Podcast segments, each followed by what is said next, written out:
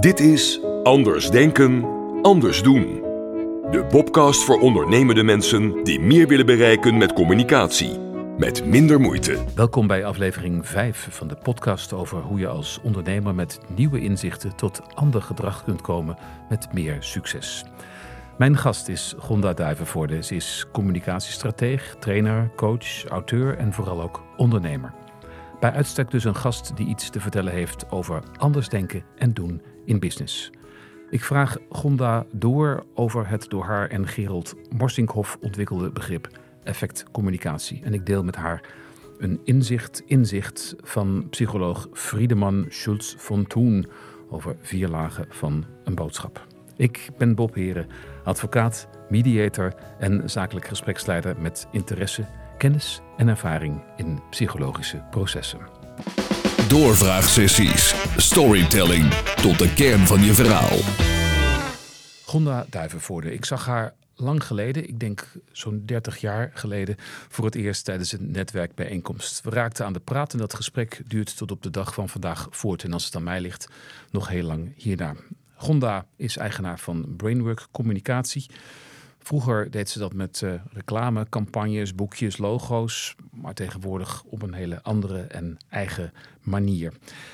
En samen met anderen heeft ze het trainingsbureau van De Wijs, een werkplaats voor een wijzer leven. De hoogste tijd is om haar het woord te geven. Gonda, hartstikke fijn dat je hier bent. Dankjewel. Um, wat moet ik hier nog aanvullen aan die samenvatting over jou? Nou, is heel mooi, laat ik dat vooropstellen. Maar ik ben ook nog coach. Je bent ook nog coach. Ja, dat doe ik er ook nog bij. En gaat het dan om mensen met psychische problemen in de thuissituatie? Of moet ik een ander soort coaching Nou, ik krijg denken? wel eens de vraag of ik ook de partner wil coachen. Maar je snapt, dat doe ik natuurlijk Nee. niet. Nee, ik doe vooral communicatie met CEO's, woordvoerders. Eh, en wat ik heel leuk vind, jonge mensen die op het begin van hun carrièrepad zijn. Eventjes helpen van hoe ziet de wereld daar nou uit en hoe verhoud ik me daartoe. Dus bijvoorbeeld eh, mensen van USG, dat is een interim club waar de jonge mensen in organisaties terechtkomen die anders tikken dan zijzelf. Noem het de grondhouding.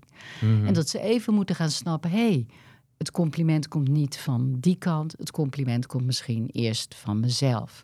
Dus ze iets meer zelfvertrouwen geven. Dat is wel een motto waar ik heel graag ehm, mee aan de slag ben.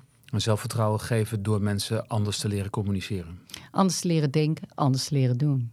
Ja. Dus anders te gaan snappen, zichzelf beter te snappen. En ik heb altijd een hele simpele wijsheid. Mhm. Zelfvertrouwen doe je zelf. Dus je bent zelf de regisseur van dat zelfvertrouwen. En ik, nou, ik kan inmiddels zeggen, maar ja, ik heb ook bijna tik ik de 60 aan, dat ik zelfvertrouwen heb. Ja, ja. En alleen eh, zelfvertrouwen bouw je denk ik op door met name ook open te staan voor wat anderen van jouw communicatie vinden. Is dat zo? Nou ja, de, de vraag stellen is een beantwoorden misschien. Ja. Jij ziet het anders. Ja, ik denk dat eh, zelfvertrouwen is echt ook je mild zijn voor jezelf. Snappen dat je dingen misschien niet in ene goed kan doen. Eh, kijken wat je ervan kan leren. En weer met gewoon al je energie weer op pad gaan.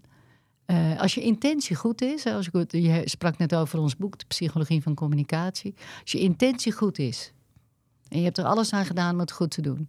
En het gaat minder. Hè. Iemand geeft je feedback. Je kan natuurlijk alleen maar leren van de ander door een spiegel te krijgen van de Mhm, ander. Dat bedoelde ik ook, ja. Dan kan je nog steeds de keuze maken. Hoe verhoud ik me tot die opmerking? En is één is een optie.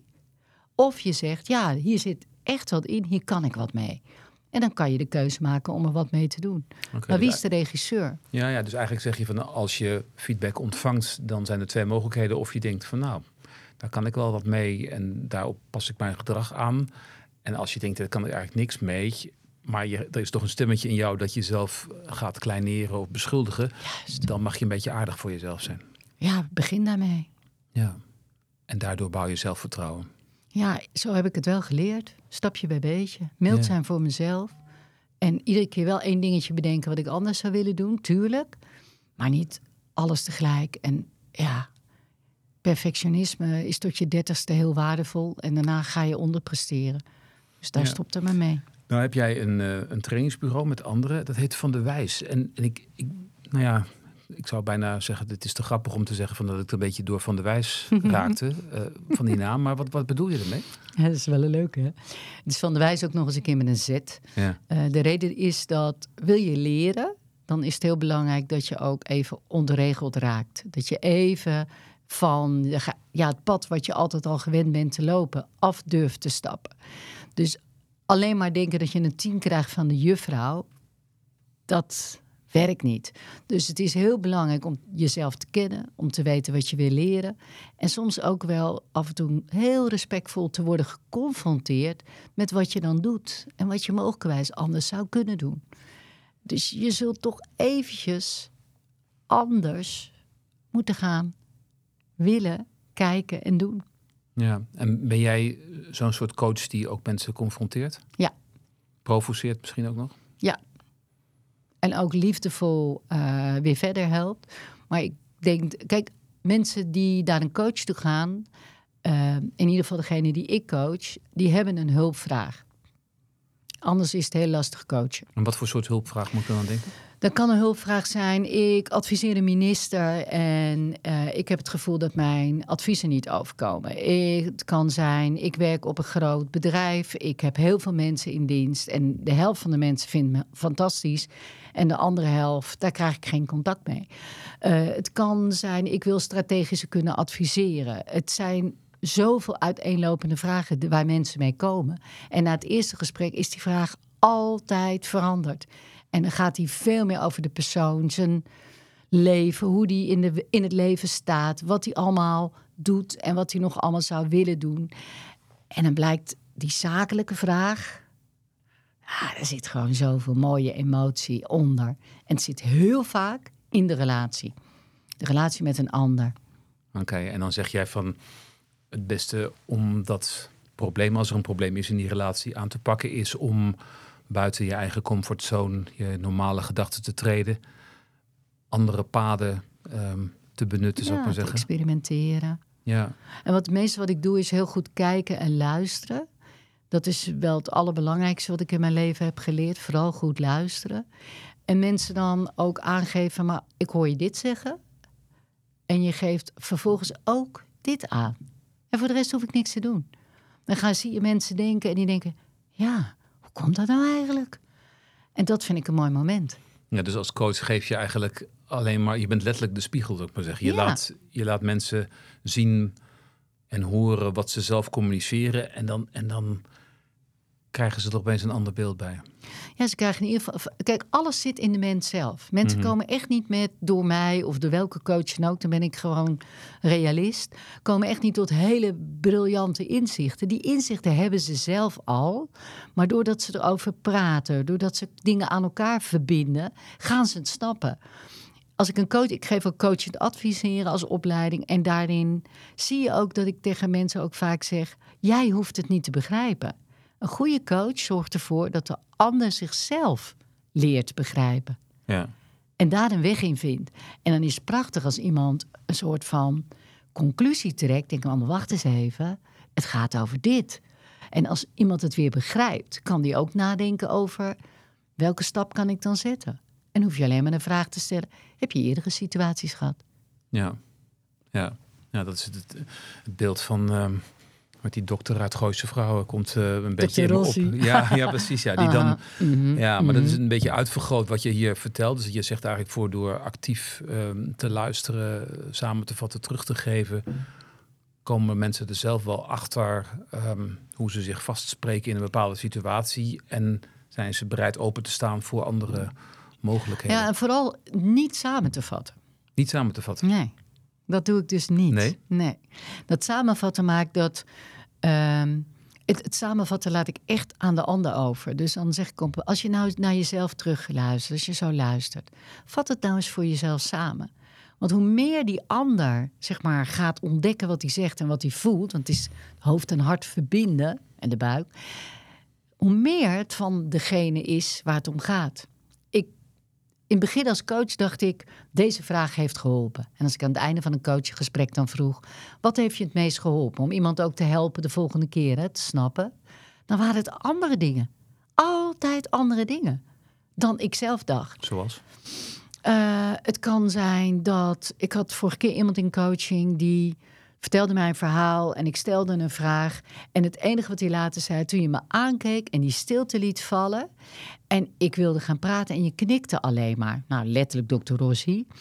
En toen wilde ik weer wat gaan zeggen. En zei, ik, zei je alleen maar, neem je tijd. Dit verhaal heb je al zo vaak verteld. Deze, deze ken je wel. Ja. Vertel me nou eens dat andere verhaal. Dus in de stilte en de leegte liggen meer antwoorden dan je zou denken. Ja, zo zou mooi. denken. Ja. Jij hebt met um, Gerald Morsinkhoff een boek geschreven. Ja. Gerald leeft helaas niet meer. Hè? Nee, helaas niet. Nee. Ja, dat is een maatje van je. Ja, was heel, is echt uh, mijn, zakelijke, mijn zakelijke vriendje. Ja. ja. Ja, En het boek heet De Psychologie van Communicatie. Het is alleen nog als PDF te krijgen, heb ik begrepen. Ja, Ook en via tegen jouw een donatie voor uh, het Anthony uh, Foundation. Dus tegen onderzoek kanker. tegen kanker. Ja, ja, ik heb het vrij beschikbaar gesteld. Ja, maar het is een, een ja, het lijkt een beetje zeg maar, voor de hand liggen dat ik kan zeggen, maar het is echt een heel interessant boek, want het gaat mhm. over effectcommunicatie. Um, nou ja, laat ik maar even doen zoals jij. Wat, wat versta jij onder effectcommunicatie? Wij redeneren letterlijk andersom. Dus um, wij beginnen eerst ons af te vragen: wat voor effect zou je nou willen hebben met communicatie? Want we neigen naar intentiecommunicatie. Dus dat is vertellen wat jij wil. Mhm. Maar je ontmoet de ander. En de ander zit in een andere wereld. Ik noem wel eens een grapje van... Nou, stel je voor een netwerkborrel waar wij elkaar ooit hebben ontmoet. En wij staan met z'n tweeën te praten en iemand schiet ons gesprek binnen en zegt... hey, woensdag gehaktdag. Dat wij denken, waar gaat dit over? Dat is wat heel vaak gebeurt met intentiecommunicatie. We denken dat iedereen op onze boodschap zit te wachten. Nou, zeker in deze tijd, forget it. Draai het om. Dus ga eens afvragen, wat voor effect wil ik nou bereiken bij de ander? En redeneer dan terug. En wat betekent dat dan voor mij? Oké. En dat betekent ook wel dat je door moet excesseren tot gewenst gedrag. Ja, ja, dus even kijken of ik je goed heb begrepen. Intentiecommunicatie is het, het klassieke zenden. Zo van wij, wij zijn geweldige advocaten of geweldige trainers. En uh, wij hebben een, een dienst of een product uh, wat je niet mag laten koop liggen. Koop mij, koop mij. Ja. ja, terwijl effectcommunicatie uitgaat van wat heeft die ander nodig. In zijn wereld. Ja, ja. zijn er mensen zit er ook... met een vraag, zeg maar zeggen, wie je boodschap niet goed overkomt, die een coach nodig hebben. Ja, bijvoorbeeld. Maar het is uh, de leefwereld van de ander is veel interessanter en relevanter. Neem, neem grote participatietrajecten, iets wat in de toekomst echt voor gaat komen. Omgevingswet is per 1 januari in, wordt in werking gesteld. Dus we gaan steeds meer ook willen, en dat heeft ook hè, onze, onze overheid ook aangegeven, dat we veel meer moeten gaan kijken wat hebben mensen in hun omgeving nou nodig als jij daar opeens iets gaat doen. Eigenlijk bijna intentie. Ik, heb daar, ik ga daar een nieuw kantoorgebouw zetten, maar er wonen mensen al langer dan jij. Dus dan is het heel belangrijk omdat je vanuit hun leefwereld eerst eens gaat redeneren. Wat leven ze? Wat vinden ze belangrijk? Waar, waar, waar gaan ze voor op de barricade? Waarvoor niet? En als je hen snapt, dan pas te communiceren. En daarvoor moet je goed luisteren. Moet je begrijpen hoe ze leven, wat ze belangrijk vinden. Ja, maar betekent dat bijvoorbeeld bij, bij omgevingsmanagement ook dat je je planologische ideeën pas definitief maakt op het moment dat je weet wat de mensen die in het gebied eh, wonen zouden willen? Als je zo ver gaat dat je naar beleid gaat, hè, dus je gaat plannen maken. En ehm, je zou van tevoren veel meer hebben gekeken in zo'n gebied wat er nog nodig is. Ja, dan is de kans op succes van jouw plannen natuurlijk groter. Als je alleen maar binnenkomt, nou wij hebben een plan en pas u maar aan. Ja, dan wordt het al een stuk minder makkelijk. En we hebben te maken in een polariserende samenwerking, waar uh, maatschappij met wij en zij denken. Dus mensen gaan op een gegeven moment denken: jij gaat voor mij denken. Nou, dat pas ik voor. Dus dan krijg je ook polarisatie. Dus we hebben het ook nodig dat we veel meer met elkaar in gesprek gaan. En hoef je niet altijd gelijk te krijgen of toe te geven. Maar mensen willen gewoon gehoord worden. Ja, dat is een belangrijke, denk ik. Hè? En dat maakt dat ook wel mee, inderdaad, in mijn uh, werk als advocaat en mediator. Dat je, als je luistert naar wat mensen zeggen en, en je, je toont dat je begrijpt wat ze aangeven, dat daarmee al een hoop uh, vuur is verdwenen uit hun betoog. ja, mooi dat je die. Ja, dat zul je als advocaat en mediator heel vaak hebben, denk ik. Ja. En, en nu even terug, want ik, ik kom veel uh, ondernemers uh, tegen die, um, nou ja, als het gaat over, over acquisitie, inderdaad vertellen hoe, hoe geweldig uh, ze zijn. Um, wat leer jij de, de PR-adviseurs om anders te doen? Wat ik communicatieprofessionals met name leer is um, luisteren als eerste.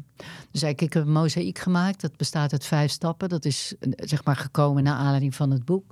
De eerste stap is dat je heel goed verdiept in wat de organisatie wil en zijn grondhouding is. Maar de tweede stap is gaan ontdekken wat is de ontvanger, wie is de ontvanger en hoe kijkt hij naar jou en wat vindt hij in zijn wereld belangrijk. Welke patronen kan je herkennen? Uh, waar is hij afhankelijk van? Of laat hij zich door beïnvloeden. En dat tezamen bepaalt of überhaupt communicatie ergens een kans heeft. Of dat je iets nog moet overbruggen. Of dat er gewoon een drempel is en je het met communicatie helemaal niet kunt oplossen. Nee. En ik hoop dat heel veel communicatieprofessionals ophouden met kiekeboekcommunicatie. Van hallo, hier ben ik. En het heeft geen effect. Het vak gaat daardoor heel erg achteruit. En de kracht van wat het kan betekenen gaat ook achteruit. Dus ook communicatieadviseurs geef ik ook heel veel hulp om lef te tonen. En te zeggen: hé, hey, maar jongens, het gaat om dit en dit. En daarom kan ik met communicatie wat bereiken. het moeilijkste misschien nog wel een opdrachtgever uit te vragen wat hij daadwerkelijk wil bereiken. En dan kan je die coaching vaardigheden weer heel goed in gebruiken. Ja, en, en moet je dan niet ook ehm, heel goed onderzoeken wat de opdrachtnemers of mogelijke opdrachtnemers zouden, zouden willen? Dat is voor mij, kan bijna niet bedenken. Ik heb ook nooit een opdracht met mijn bureau, toen ik nog een groot bureau had, nooit aangenomen zonder dat ik gesproken heb met de ontvangers. Ja, want het is ook interessant, in jullie boek noem je ook een aantal mechanismen die onze primaire voorkeur in denken sturen, hè? zoals met name projectie. Dat vond ik een hele herkenbare. Dus dat jij denkt dat, dat wat er in jouw leefwereld omgaat, precies zo bij die ander gebeurt. Ja, daar kunnen we niks aan doen. Hè. We hebben 157 biasen. En projectie is er één van dat je heel erg ervan uitgaat hoe jouw wereld eruit ziet, dat die gelijk is aan de ander. Nou, we hebben niet eens dezelfde kleuren die we zien. Nee. Dus als je daar eens afscheid van neemt en ervan uitgaat dat de ander niet gelijk is aan jezelf, dan ga je automatisch, hoop ik dan, je nieuwsgierigheid aanzetten, goed naar de anderen luisteren en dan begrijpen wat de ander nodig heeft of hoe de ander communiceert of wat dan ook. Neem jezelf nooit als uitgangspunt. Nee, en, en, en een, ander uh, mechanisme wat ik ook interessant vond is um, de stereotypering. Hè? Dus dat je geneigd bent om mensen in hokjes te duwen en te zeggen, oh dat is, die zal wel zo en zo doen. Ja. Dat houdt ook verband met het feit dat wij vaak verhalen maken natuurlijk over anderen. Ja, maar stereotypering is gewoon een, een gemakzuchtig paadje in je brein dit wordt heel jong af aan, wordt dat je aangeleerd. Hè, van, oh, eh, neem maar bijvoorbeeld, er zijn van die mooie grapjes van ehm, iemand komt ehm, in het ziekenhuis terecht en de chirurg zegt, ja sorry, en eh, ik kan hem niet opereren. Want het is mijn zoon. Maar de vader is ook net overleden.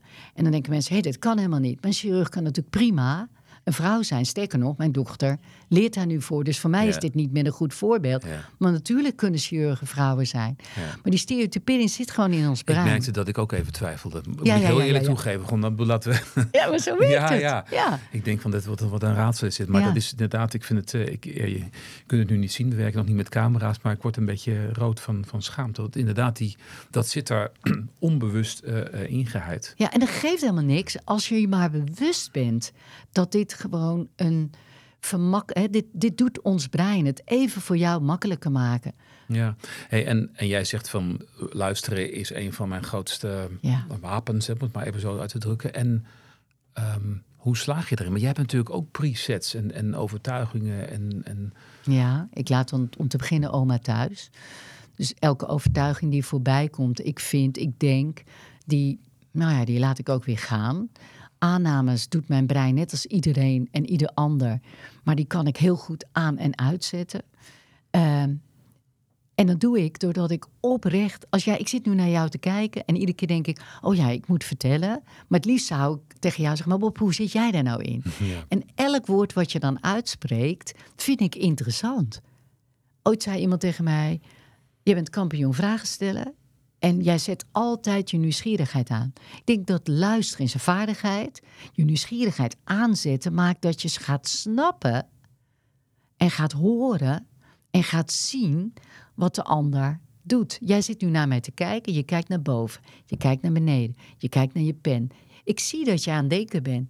Ik kan ook denken, oh weet je, ik ben zo benieuwd wat Bob nu aan het denken is. Ja, nee, maar dat is een instelling inderdaad. En ik, ik heb zelf ook wel die ervaring als ik met mensen spreek, dan zit er ook een intense nieuwsgierigheid in wat er in mensen omgaat. Ik wil gewoon weten hoe mensen redeneren. Daarom heb ik eigenlijk ook nooit moeite met wat mensen vinden. Ook al ben ik het daar helemaal niet mee eens. Maar ik wil erachter komen wat maakt dat je denkt waarom je denkt. Ja, precies. Precies. het, is zo boeiend. Alles wat je zelf al hebt bedacht, je eigen meningen, aannames, overtuigingen, die ken je al. Je leert niks van jezelf. Je leert alles van die ander. Ja. En ik ben iedereen daar altijd super dankbaar voor. En ik, oh, dat ze me ook weer een kijkje in hun eigen brein geven. Ja. Ja, het is zeker. Het is, het is, ook, het is nou ook een vorm van rijkdom. Ehm, ik wil het nog eventjes met je hebben over iets dat als je eenmaal zeg maar, ehm, een boodschap hebt geformuleerd, hè, doordat je goed naar de opdrachtnemers en de opdrachtgevers hebt geluisterd, uh, en de grondhouding hebt bepaald en de ervaring van de stakeholders, zoals ze dat noemen in, in het boek, um, wat er dan allemaal zou kunnen gebeuren. En daarvoor geldt even een kleine inleiding. Inzicht in zicht. The only way out of the box is in. De vier lagen van een boodschap van Friedemann Schulz von Thun, een psycholoog die zich bezighoudt met communicatie. Het eerste aspect is het zakelijke aspect. Wat is de inhoud van een mededeling? Het tweede aspect, het expressieve onderdeel. Wat zegt het bericht over de zender daarvan? Het derde aspect, het relationele. Wat blijkt uit de boodschap hoe de zender tegenover de ontvanger staat? En het vierde aspect, appellerend. Welke invloed gaat uit van datgene wat de zender tegen de ontvanger zegt? Laat ik een voorbeeld noemen. Een man zegt tegen zijn vrouw: Ik denk dat het eten aanbrandt. Inhoudelijk, er gaat iets mis in de keuken. Expressief, ik let op of ik ben geïrriteerd. Dat zegt iets over mij. Relationeel, ik denk jij doet het huishouden of ik neem ook mijn verantwoordelijkheid. En appellerend, wat zegt het over je echtgenoten? Kom eens in beweging of voorkom een ramp.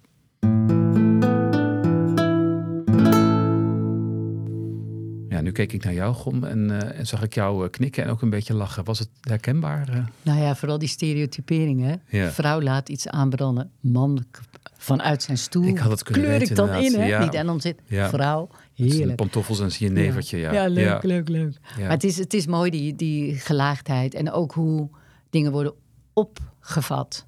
dus je kan, en dit is echt intentie, ik, ik, bedoel het goed, maar het kan zomaar zijn dat vrouw lief denkt: hé, hey, wacht even.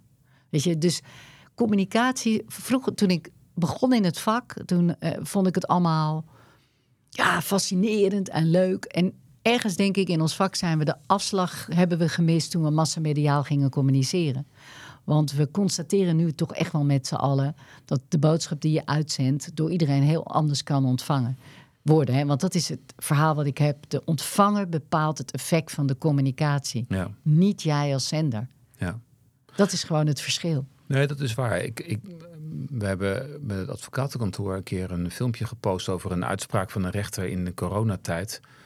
En daar kreeg je inderdaad twee type reacties op. De ene zei van ja, wat goed dat die rechter het heeft gedaan. En de andere zei van ja, wat een belachelijke uh, onzin. En mensen keken vanuit hun eigen referentiekader. Heel goed. Dat is het. Ja. Dat is het. En dat maakt het aan de ene kant heel moeilijk. Want dan kan je natuurlijk denken van ja, maar jeetje, uh, dan doe ik het nooit goed. Ja, dat ligt er dus maar aan. Hoe meer en hoe duidelijker je bent wie je bent, want dat is nog steeds belangrijk, trek je ook die mensen aan die zich met jou willen identificeren. Dus het is juist heel belangrijk om goed te weten wie je bent, congruent te zijn in wat je doet. En vervolgens die mensen die denken: ja, maar jij spreekt mijn taal, dat worden jouw klanten. Ja. En als je overal van iedereen een beetje bent, dan word je een allemans vriend. En dan ben je eigenlijk van niemand. Ja, nou ja. Um je hebt natuurlijk mensen die uh, zodanig zorgvuldig communiceren dat, dat ze het idee hebben van nou ja, dan krijg ik nooit uh, feedback en krijg ik nooit commentaar. Dan volgens mij communiceer je dan niet of, of wordt heel moeilijk. Niet effectief in ieder geval. Maar ik zit nog even met diegene die jij coacht en adviseert. Hè? Ehm, en het openstaan voor feedback. Ehm, het is toch zo dat je een bepaalde keuze maakt in communicatie. En we zien door Schultz van Toen dat, dat degene wat jij zegt, dus als je intentioneel uh, communiceert, dat het heel anders opgepakt kan worden. 100%. Is het niet juist dan een vaardigheid voor iemand die um, met communicatie bezig is om daar voelsprieten voor te ontwikkelen? Ja, zeker. Dat denk ik zeker. Ik denk dat het heel belangrijk is om laten we eerlijk zijn, als we elkaar aan kunnen kijken, Bob, is het allemaal niet zo ingewikkeld. Nee. Als ik jou weg zie kijken of ik zie jou knikken, dan, hè, dat doe je nu, je knikt. Uh, dan, en je, je begint nu ook te lachen. Dan zie ik dat mijn boodschap en wat ik aan het vertellen ben, gewoon aansluit bij waar jij over nadenkt. Op het moment dat je stopt met knikken, je, kijkt, hè, je krijgt een denkrimpel, dan zou ik bijvoorbeeld eens mijn mond kunnen houden. En als ik alleen al stilval, kan jij ruimte nemen om te zeggen: ja, maar Gonda, is het niet zo dat? We zijn een beetje kwijtgeraakt dat uh, gesprek um, gaat tussen mensen. Het is niet van mij, het is niet van jou. Het gaat tussen ons. En daarin is zoveel te ontdekken. En communicatie, het vak communicatie, is veel complexer dan je denkt. Want probeer het maar eens te doen met een filmpje of een social. Of je krijg geen reactie van de mensen. Dus je zult dat zelf moeten opzoeken. En dat is het meest moeilijke. Hoe krijg je feedback op jouw boodschap? Ja, het, het, het is moeilijk. Is het bijna onmogelijk in deze wereld van massacommunicatie? Nee, nee, als ik kijk naar mijn opdrachtgevers en de mensen die ik te vallen train, want ik train veel meer dan dat ik zelf nog aan de lat sta, is dat ik ook zeg: je hebt de mensen, kun je interne communicatie, kun je bijvoorbeeld aanraken, je collega's. Je kunt ook met mensen in gesprek gaan. Je kunt mensen mee laten denken. Ik heb een jongen gecoacht die tot de, de, de nominatie van de Galja-prijs heeft gekregen die was bij mij in huis en die zou voor de GGD een campagne doen voor um, dat je tegen zes uh, soorten kanker kan worden ingeënt. En toen zei ik, wat weet je over de doelgroep? Zegt hij, ja, wat ik heb gelezen. Ik zeg, nou, één moment. Boven op zolder zaten mijn twee zonen die in de leeftijdscategorie zitten. Die heb ik naar beneden gevraagd. Ik zeg, ga met ze in gesprek. Ja. En het was fantastisch om te zien. En iedereen die ik train, en iedere training die ik geef, zeg ik: zorg dat je een aantal mensen spreekt. Want dat voedt jouw creativiteit, dat voedt jouw gedachten. Zorg dat je snapt. En, en die kan ze niet allemaal, maar zorg dat je in, gesprek gaat met ze. Ja, want nou, gaat deze podcast of podcast, zoals ik hem uh, wel noem, over uh, ondernemende mensen die meer willen doen met communicatie. Is dat ook wat je mensen adviseert? Om... Oh, elke ondernemer gun ik. Weet je, als je begint als ondernemer, dan heb je nog die heerlijke onzekerheid. Dan lig je al je ideeën voor. Weet je, ken je beginnende ondernemers? Ik ken er heel veel, want die coach ik ook. En dan gaan ze naar hun vrienden, laten ze het zien, et cetera. Dan word je wat verder in het leven. Dan krijg je allerlei mensen die dat voor je doen. Maar juist door zelf in gesprek te gaan en te blijven met de mensen waar je het voor doet. Dat geeft jou, als het goed is, iedere keer weer die inspiratie mag je nooit overslaan. Nee. En het, je geeft de mensen ook het idee dat ze erbij horen. 100 procent. Ja. 100 procent. Dankjewel. Ken je klanten, maar ken ze echt. Ja. Wat weet je nou van je klant? Ja, zeker. Ja, wat nou? mooi. Dankjewel. You're welcome. Dit was Anders Denken, Anders Doen. De Bobcast voor ondernemende mensen die meer willen bereiken met communicatie. Met minder moeite. Met Gonda Duivenvoorde, trainer, coach, auteur en inspirator die communicatie ademt en vooral leeft. Voor Gonda zit de wereld elke dag weer vol met nieuwe mogelijkheden om met nieuwe effecten te communiceren. Zakelijk, expressief, relationeel en appellerend in alle lagen van de boodschap dus. Dankjewel voor het luisteren. Stuur je feedback naar info.bobheret.nl en blijf openstaan voor andere gedachten waardoor je anders kunt doen. Voor meer mogelijkheden en, wat Gonda betreft, effecten. Een podcast met Bob Heren.